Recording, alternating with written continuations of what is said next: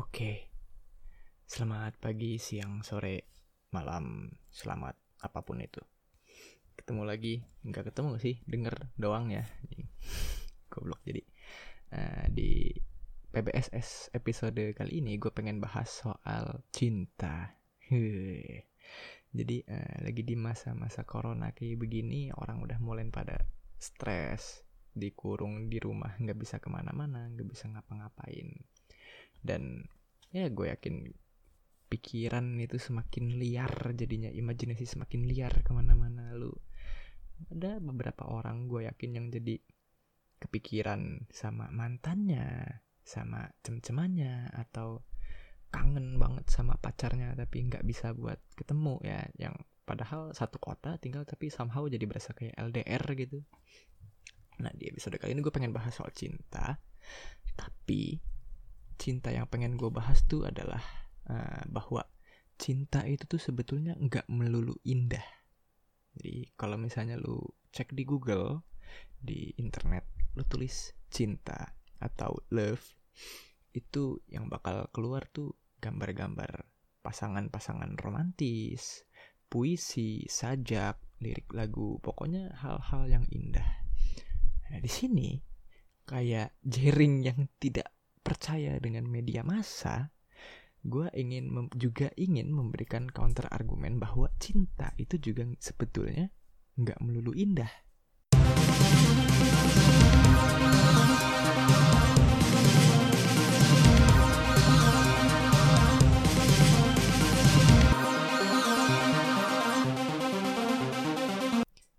Ini gue gue apa episode kali ini gue masih bingung pengen gue kasih nama apa tapi salah satu nama yang pikiran bagus di gue ya uh, pesimisme cinta mungkin. Karena poin-poin yang bakal gue coba bahas di nanti nih tuh kayak pandangan-pandangan pesimis gue terhadap cinta. Nggak tahu ya bisa dibilang pesimis apa enggak intinya poinnya sih uh, that love can be somehow a katastrofi. Ya begitulah intinya. Oke kita langsung aja masuk ke poin pertama. Cinta. Sebetulnya uh, eh, gue juga pernah bahas soal kenapa gue mencintai pasangan gue misalnya atau kenapa lu mencintai pasangan lu atau uh, misalnya lu pasangan lu atau orang yang lu naksir lu taksir dengan orang-orang yang sebelum-sebelumnya itu biasanya memiliki satu kesamaan, entah itu ciri fisiknya atau sifatnya atau apa pun lah itu ada satu kemiripan. Nah, gue pernah bahas di episode sebelumnya. Nah, itu tuh kenapa? Karena ada yang namanya Oedipus kompleks. Gue jelasin lagi Oedipus kompleks itu apa. Jadi Oedipus kompleks itu adalah uh, keinginan kita manusia untuk memiliki orang tua kita yang berbeda jenis. Jadi misalnya gue laki-laki ini gue nih, gue itu cinta pertama gue adalah ibu gue. Nah kalau misalnya perempuan ya cinta pertamanya adalah ayahnya. Nah kriteria pasangan si orang ini di masa depan nanti ketika udah remaja sampai dewasa itu cenderung akan mencari orang yang semirip mungkin dengan cinta pertamanya tersebut. Nah, itu apa namanya? Uh, Oedipus kompleks itu term yang dibikin beken sama si Sigmund Freud. Nah, kalau yang perempuan itu lebih dikenal dengan sebutan Elektra kompleks. Elektra kompleks itu apa?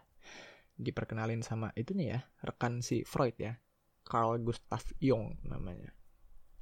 Nah, poin yang mau gue maksudin adalah kriteria seseorang yang kita pengen, yang akan kita cintai, itu enggak atas dasar murni keinginan kita, tapi ada ada sesuatu di belakangnya, ada yang ngedrive.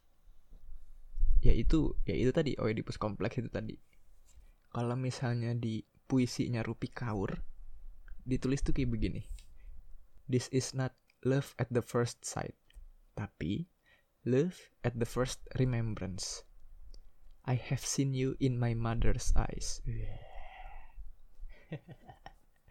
ya buat gue tuh apa namanya mau ngasih tahu kalau lu nggak bisa betul-betul freely choose gitu bebas memilih siapa yang pengen lu naksir siapa yang pengen lu suka pengen lu cinta itu kayak somehow ada drive di belakangnya emang sih apa nggak menunjukkan katastrofi apa-apa. Cuman poin yang pengen gue tunjukin di Oedipus kompleks ini adalah kita nggak betul-betul bebas untuk memilih pasangan kita. Lanjut. Uh, eh, gue pernah dengar si Slavoj Zizek dia filsuf dari mana ya? Slovenia apa ya kalau nggak salah ya? Adalah namanya Slavoj Zizek Slavoj Zizek ini dia ngasih pandangan tentang cinta tuh kayak begini. Bayangkan misalnya lu memiliki kehidupan yang settle.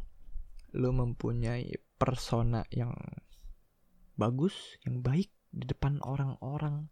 Lu mempunyai pekerjaan yang lu sukai gajinya mencukupi lu. Lu punya lifestyle yang membuat lu senang happy. Lu misalnya setiap weekend lu nongkrong sama teman-teman lu minum-minum gitu kan atau lu ngapain gitu. Lu intinya tuh lu bersenang-senang setiap hari kehidupan lu settle. Nyaman lah kalau lu nggak mau bilang settle nyaman. Somehow terasa bagus.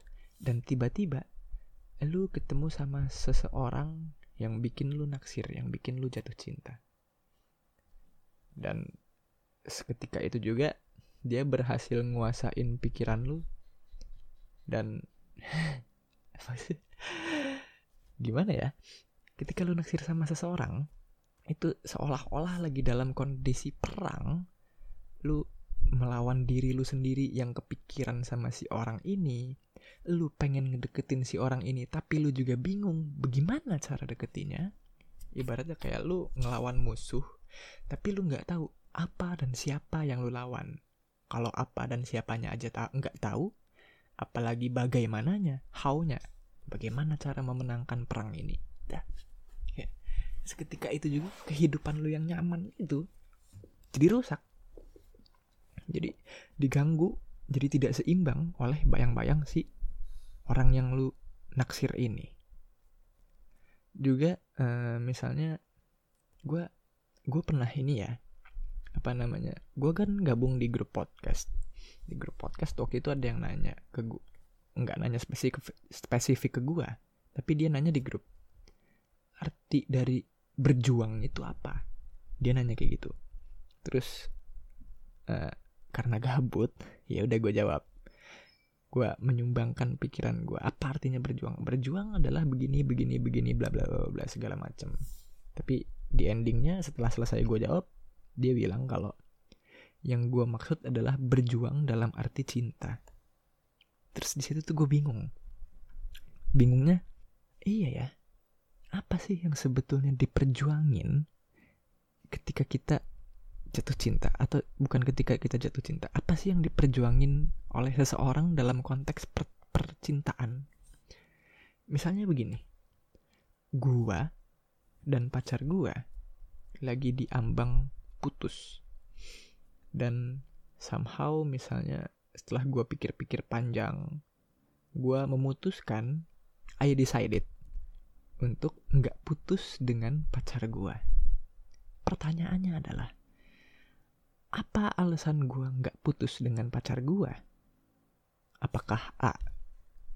Karena gue sebegitu sayangnya sama pacar gue? Atau B? Karena gue nggak pengen merasa sedih akibat kehilangan pacar gue. Jadi kalau di alasan yang pertama itu karena gue sayang dan gue nggak mau kehilangan dia. Kalau yang opsi kedua, opsi B, itu karena gue nggak mau merasa sedih karena kalau gue ditinggal sama dia gue bakal merasa sedih uh, yang gue pikir gue nggak percaya sama yang namanya duan kenapa nggak percaya? Karena satu yaitu tadi balik ke Oedipus kompleks. Gue akan selamanya mencari orang yang semirip mungkin dengan cinta pertama gue dengan ibu gue dan nggak ada orang yang betul-betul mirip dengan ibu gue jadi bakal selalu ada orang yang lebih mirip sama ibu gue jadi bakal terus ada lagi infinite regress. Bukan ya begitulah intinya. Lu ngerti maksud gue jadi karena itu gue nggak percaya konsep doan gue nggak percaya sama yang namanya jodoh sudah ditakdirkan. Maka ya itu tadi. Menurut gue gimana ya? Itu kayaknya opsi kedua deh yang buat gue ya. Pilihan kedua adalah yang menjadi alasan untuk gue at least. Kenapa gue nggak putus dengan pacar gue karena gue nggak mau merasa sedih. Nah poinnya adalah maksud gue adalah bahkan di dalam soal cinta pun hmm, yang menyangkut hubungan antara dua orang antara gue dan pasangan gue yang gue perjuangkan adalah selalu diri gue sendiri. Selalu diri gue sendiri nggak pernah soal pasangan gue ya kalau misalnya ada di satu kasus misalnya berantem dan gue mengalah itu karena ya gue nggak pengen berantem ya udah dah gue ngalah deh. Gue nggak pengen ribut gue nggak pengen sesuatu itu jadi besar dan bikin repot ke depannya. Terus ini adalah salah satu tipe yang paling apa ya paling menjengkelkan lah ya. Yaitu adalah orang yang insecure. Orang yang insecure itu misalnya lu mendekati lu PDKT sama orang yang insecure itu bah itu orang amat sangat tidak percaya diri. Dia ketakutan dengan banyak hal. Yang mungkin ketakutannya itu ya dia takut sama imajinasinya dia sendiri ya. Tapi ketakutannya dia itu insecurity-nya dia itu merepotkan orang lain. Merepotkan si pihak keduanya ini. Si orang yang deketin dia. Katakan orang yang insecure ini namanya A dan yang deketin namanya B. Si A dia kesusahan dengan ketakutan-ketakutannya dia, dengan imajinasi-imajinasinya dia, dan ketakutan-ketakutannya itu juga bikin repot. Si B, orang yang ngedeketin si A. Jadi si A, katakanlah si A yang naksir atau si B yang naksir sama aja lah menurut gua. Mereka sama-sama atau katakanlah mereka sama-sama suka ya. Mereka sama-sama suka, tapi karena si A ini dia punya insecurity, dia punya ketakutan yang berlebihan, ya. Jadi jadi gimana ya? Jadi jadi begitu jadinya. Sama-sama repot sama-sama susah dan mau gak mau cintanya itu seringnya ya. Seringnya ya at least sering menurut pengamatan gue terhadap lingkungan gue teman-teman gue ya seringnya kudu kandas gitu kudu pupus. Gimana lagi kayak lu lu mau? gitu apa pacaran sama orang yang dikit-dikit takut yang malah ujung-ujungnya itu dia masa overprotective gitu posesif. Kayak misalnya lu cowok gitu dan ya hanya karena lu cowok bukan berarti lu nggak boleh kan berteman dengan cewek atau vice versa. Nah karena dia overprotective itu si pasangan lu ngeblokin nih teman-teman lu yang lawan jenis. Itu adalah beberapa teman gue yang gue tahu kayak begitu. Kayak misalnya uh, teman gue teman gue cewek. Pacarnya ini uh, saking begitu saking halunya si teman gue ini disadap WA-nya semua teman-teman semua kontak WA-nya dia itu yang cowok diajakin ribut semua dikata-katain. Bahkan di kontak WA-nya itu ada beberapa klien kerja yang juga ikut kena marah-marah. Ikut diajakin ribut dimaki-maki. Nah ngomongin urusan temen aja udah susah apalagi urusan gawean gitu. Duit yang lu bisa bisa aja lu dipecat secara tidak terhormat. Dan itu ya temen gue hampir kehilangan pekerjaan. Untungnya sih enggak. Untungnya enggak. Cuman begitu maksud gue adalah si temen gue ini sayang sama pacarnya dan gue yakin juga pacarnya sayang sama temen gue ini. Tapi karena dia memiliki insekuritas ada penyakit lah sakit jiwa. Kayak bodoh amat dah lu mau berdalih apa gue simplifikasi aja kalau itu tuh orang gila. Ya jadi begitu kan. Jadi apa ya jadi merumitkan sesuatu yang harusnya fine fine aja. Aduh.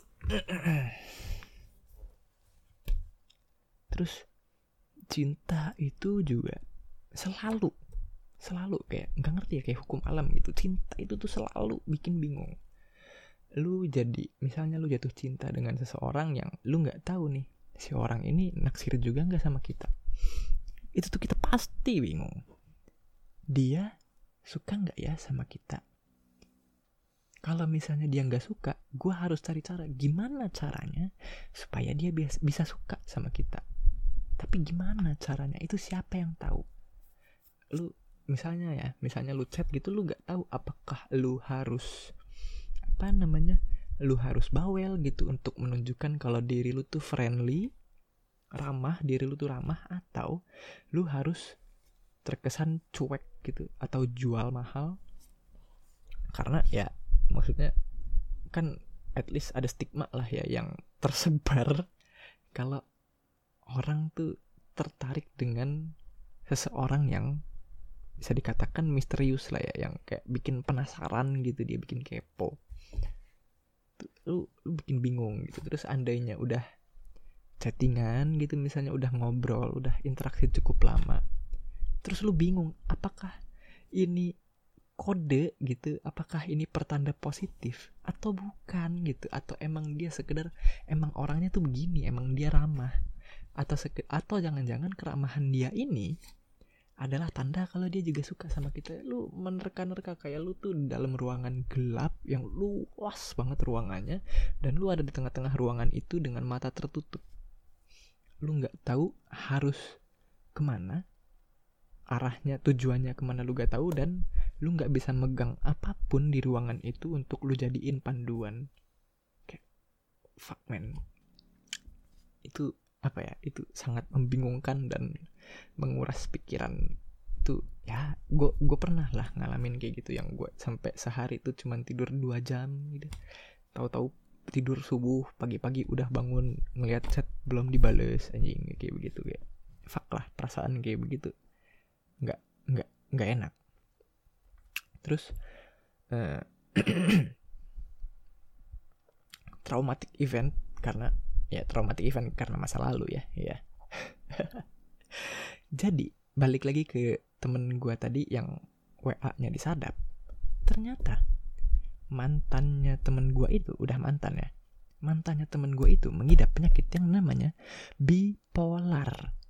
Bipolar itu apa? Ya kalau nggak salah ya secara garis besar itu moodnya bisa berubah dalam waktu yang cepat secara ekstrim. Misalnya sekarang oh happy bahagia gitu. Terus beberapa saat kemudian emosi marah-marah dengki murka atau sedih misalnya merana apa pokoknya apa fluktuatif banget emosinya tuh moodnya tuh begitu. Sekarang senang sedetik kemudian ngamuk marah-marah itu kayak begitu. Teman gua ini karena pacarnya kayak begitu gue nggak ngerti apakah beneran bipolar atau emang sakit jiwa apa bagaimana ya. Teman gue ini pernah yang namanya kepalanya dilempar pakai botol. Botol beling botol bir botol bir botol kecap itu botol beling yang segede kecap itu yang di warkop lu suka lihat. Itu pakai dilempar pakai botol beling segede gitu. Pernah juga temen gue lagi sendirian di rumah. Terus si mantannya ini nyamperin ke rumahnya. Gedor-gedor sampai tetangga pada keluar neriak-neriakin. Kayak itu tuh bikin takut anjir.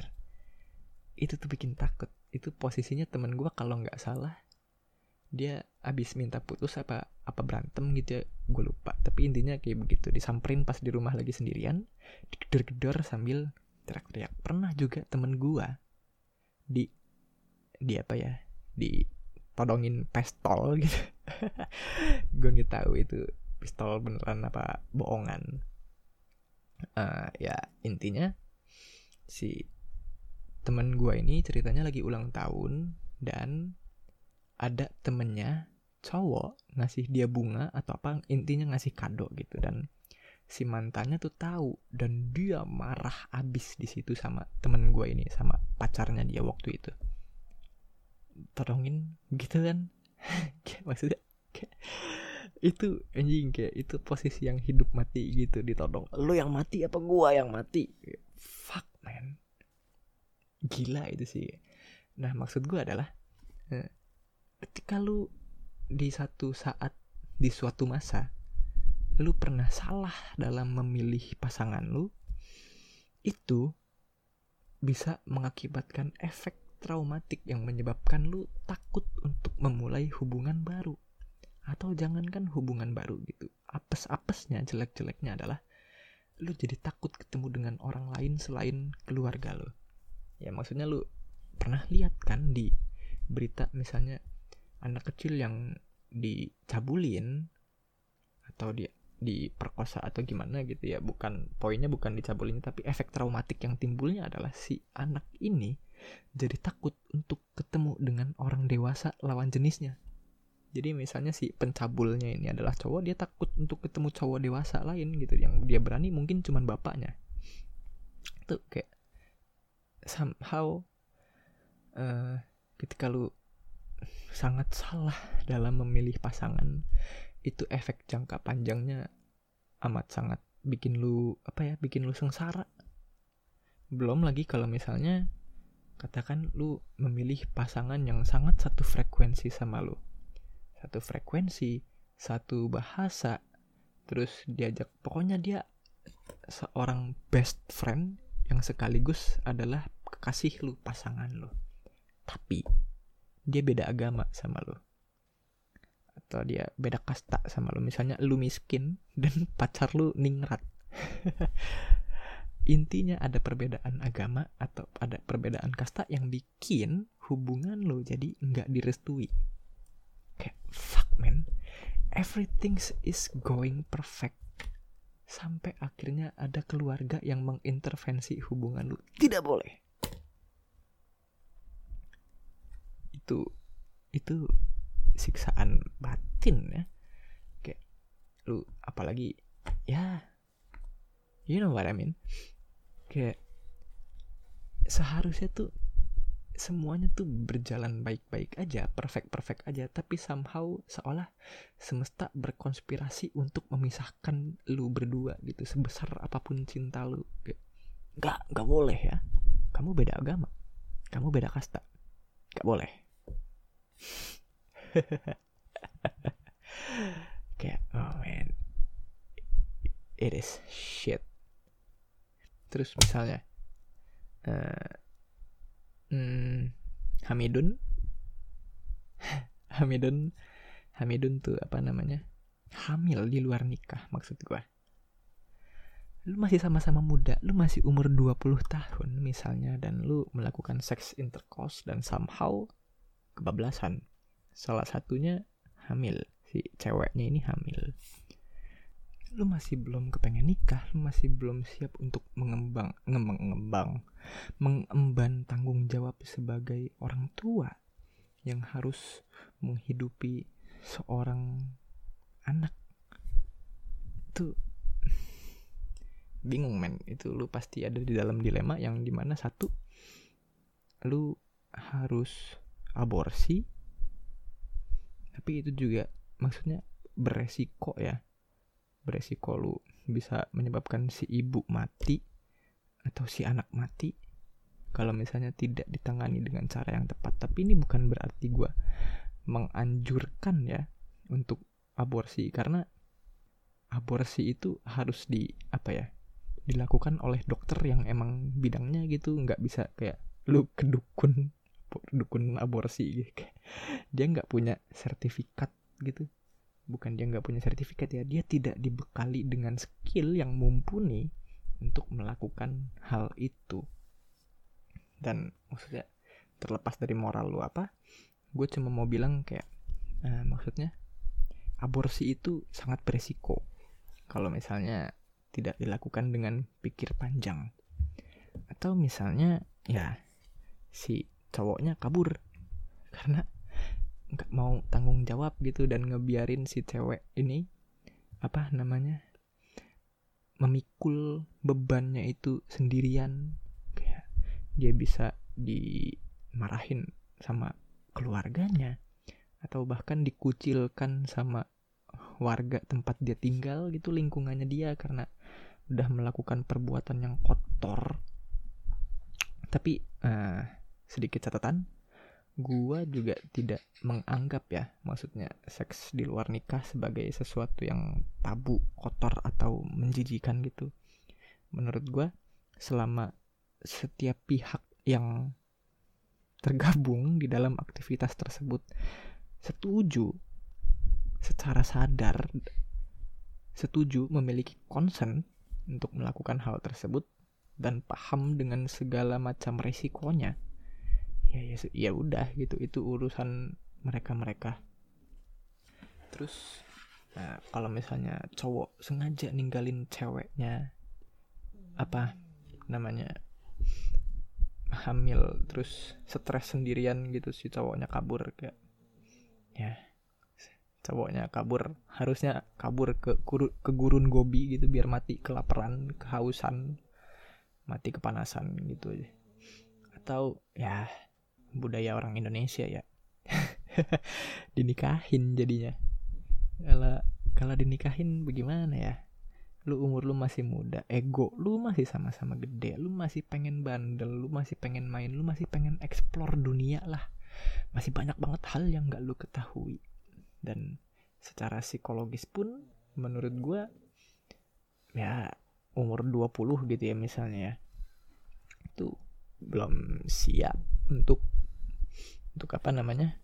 Untuk menjadi seorang orang tua. Jadi bapak dan ibu. Kalau misalnya dinikahin terus ternyata mampu mengemban tanggung jawab orang tua ya bagus. Tapi kalau kagak kesian anaknya kan jadi terlantar.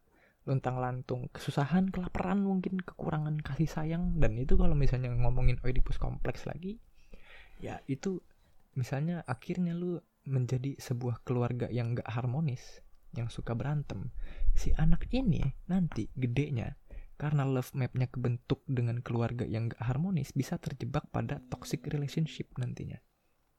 Bisa terjebak pada pasangan yang juga abusive. Atau kalau misalnya nggak mau dibilang abusive bisa juga resultnya nanti adalah homoseksualitas. Ini nyambung ke poin selanjutnya ya homoseksualitas. Nggak bisa dipungkiri bahwa ada aja orang yang menyukai sesama jenis cowok suka cowok cewek suka cewek.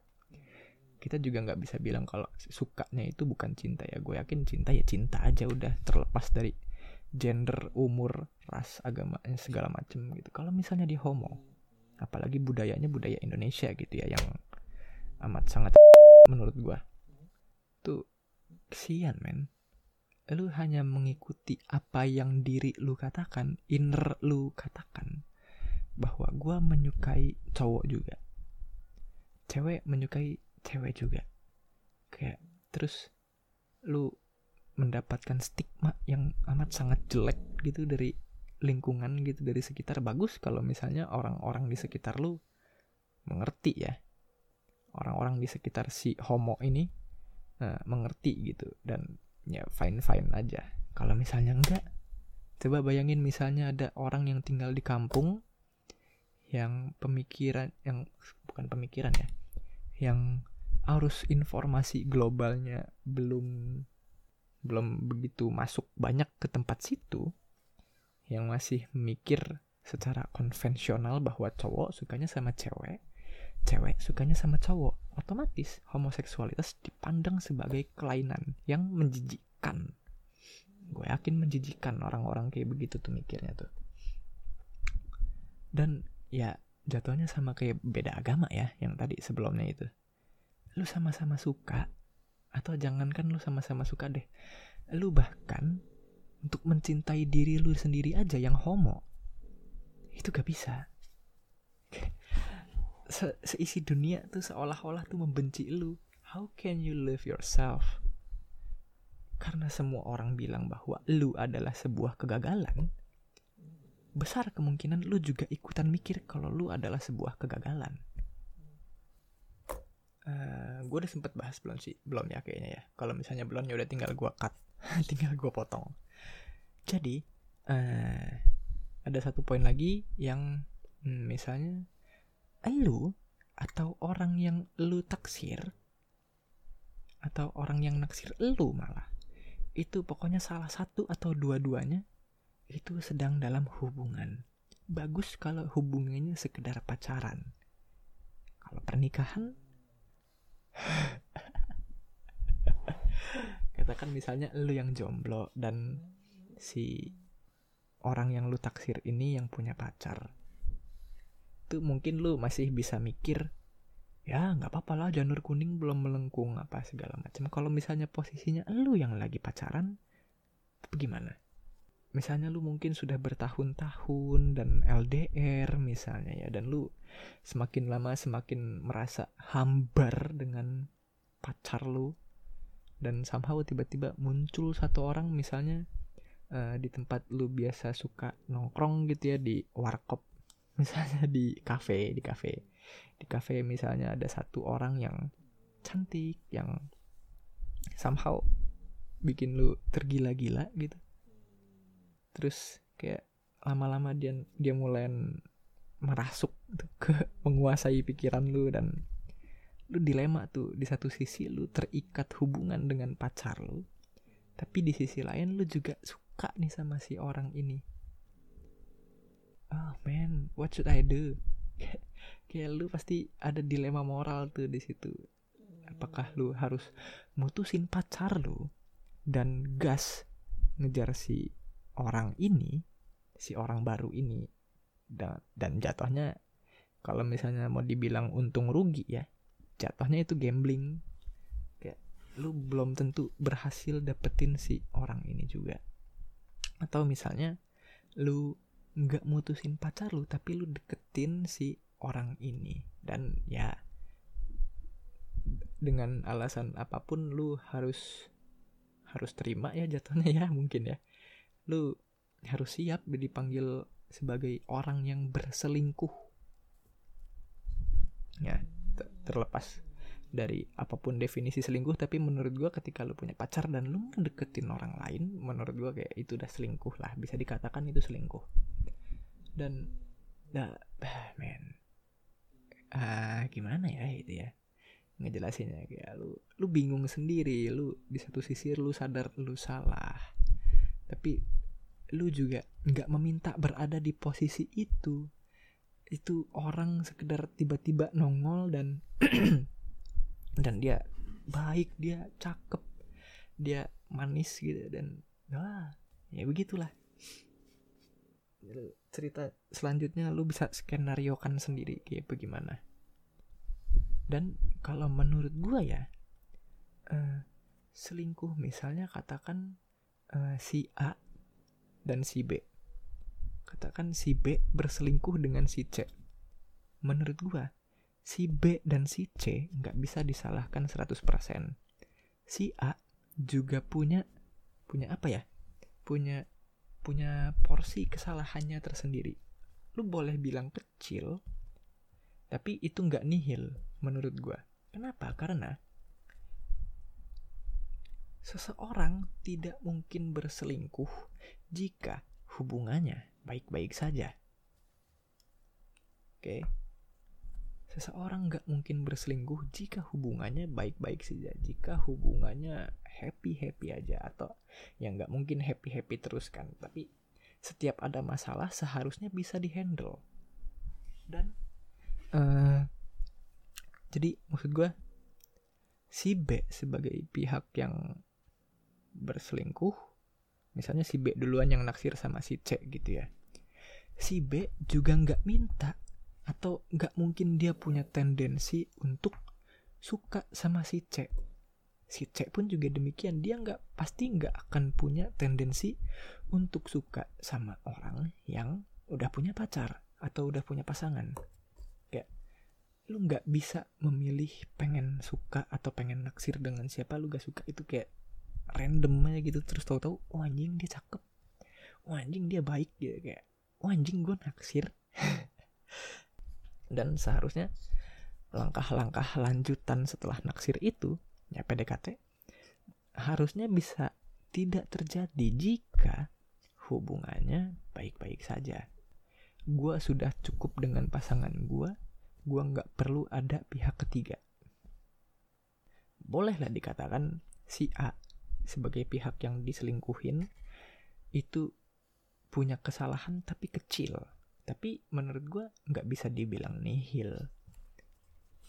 Katakan misalnya si A juga udah melakukan segala-galanya semampunya dia apa segala macam untuk apa memberikan apa ya keharmonisan dalam hubungan dia gitu antara si A dengan si B tapi ya ya dah gua ralat dah ya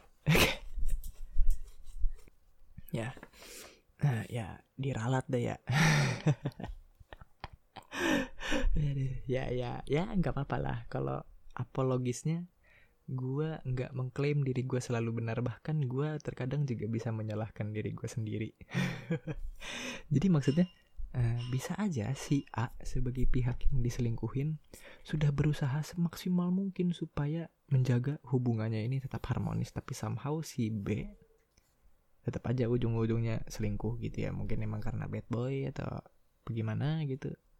Playboy playgirl segala macem.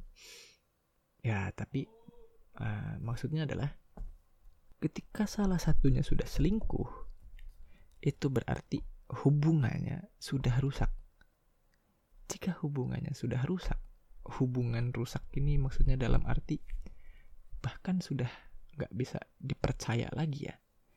Karena menurut gue kalau kalau pacaran itu melatih kepercayaan lu dengan pasangan lu. Tapi kalau misalnya di satu titik aja udah ngerusak abis-abisan kayak ya buat apa dilanjutin ya kalau buat gue tapi uh, maksudnya secara logis kalau menurut gue ketika gue diselingkuhin gue pasti akan mutusin pacar gue tapi jika betulan terjadi di lapangan itu dilema tersendiri Kenapa? Karena di dalam cinta nggak ada yang rasional. Anjing. Oke, terakhir yang udah terkenal dari zaman dulu yang bahkan dijadiin lagu sama Dewa yaitu cinta bertepuk sebelah tangan. Tuh. Sakit, men. Itu sakit. Lu cinta mati. Jangan ngomong cinta mati deh. Lu kepikiran sama dia, lu naksir berat sama dia setengah budek lu udah deketin dia lu lakuin apa pun demi dapetin dia lu usahain semaksimal mungkin lu ngorbanin waktu lu ngorbanin duit lu ngorbanin keluarga lu ngorbanin teman-teman lu segala macem lu udah mengorbankan semuanya abis-abisan lu babak belur buat dapetin dia tapi lu dibuang begitu aja kayak gue nggak suka sama lu. Fuck man. Semua investasi lu terhadap dia selama ini zong hasilnya. Zong hasilnya dan itu wah, devastating sekali itu sih. Gue yakin maksudnya semua dari kita di satu titik di hidup kita pasti pernah ngalamin lah. Kecuali emang lu orang yang mati rasa atau mati muda. Tapi ya dari berbagai macam poin tentang how love can be a catastrophe yang dari tadi gue jabarin nggak otomatis gue bilang cinta itu sebagai sesuatu hal yang buruk ya. Karena menurut gue jatuh cinta itu jatuhnya kayak apa ya? Kayak naik roller coaster lah. Itu itu menegangkan itu menakutkan itu mendebarkan but it makes you feel alive. Ya udah segitu aja deh ya. Jadi nah, dari berbagai macam poin itu gue sekedar pengen ngasih point of view gue bahwa cinta juga nggak melulu indah kok. Cinta itu juga bisa mengakibatkan menyebabkan hal-hal yang buruk juga. Cinta damai misalnya dengan kata cinta damai berarti diktator nggak boleh dibiarkan berkuasa karena pasti akan melakukan kejahatan gitu eksploitasi misalnya Maka dari itu si diktator ini harus dibunuh, harus diperangin nih serdadu-serdadunya si diktator ini. Ya, cinta juga bisa menyebabkan bencana. Jadi uh, mengenal kamu itu kutukan karena sejak kenal kamu aku jadi nggak bisa bahagia tanpa kamu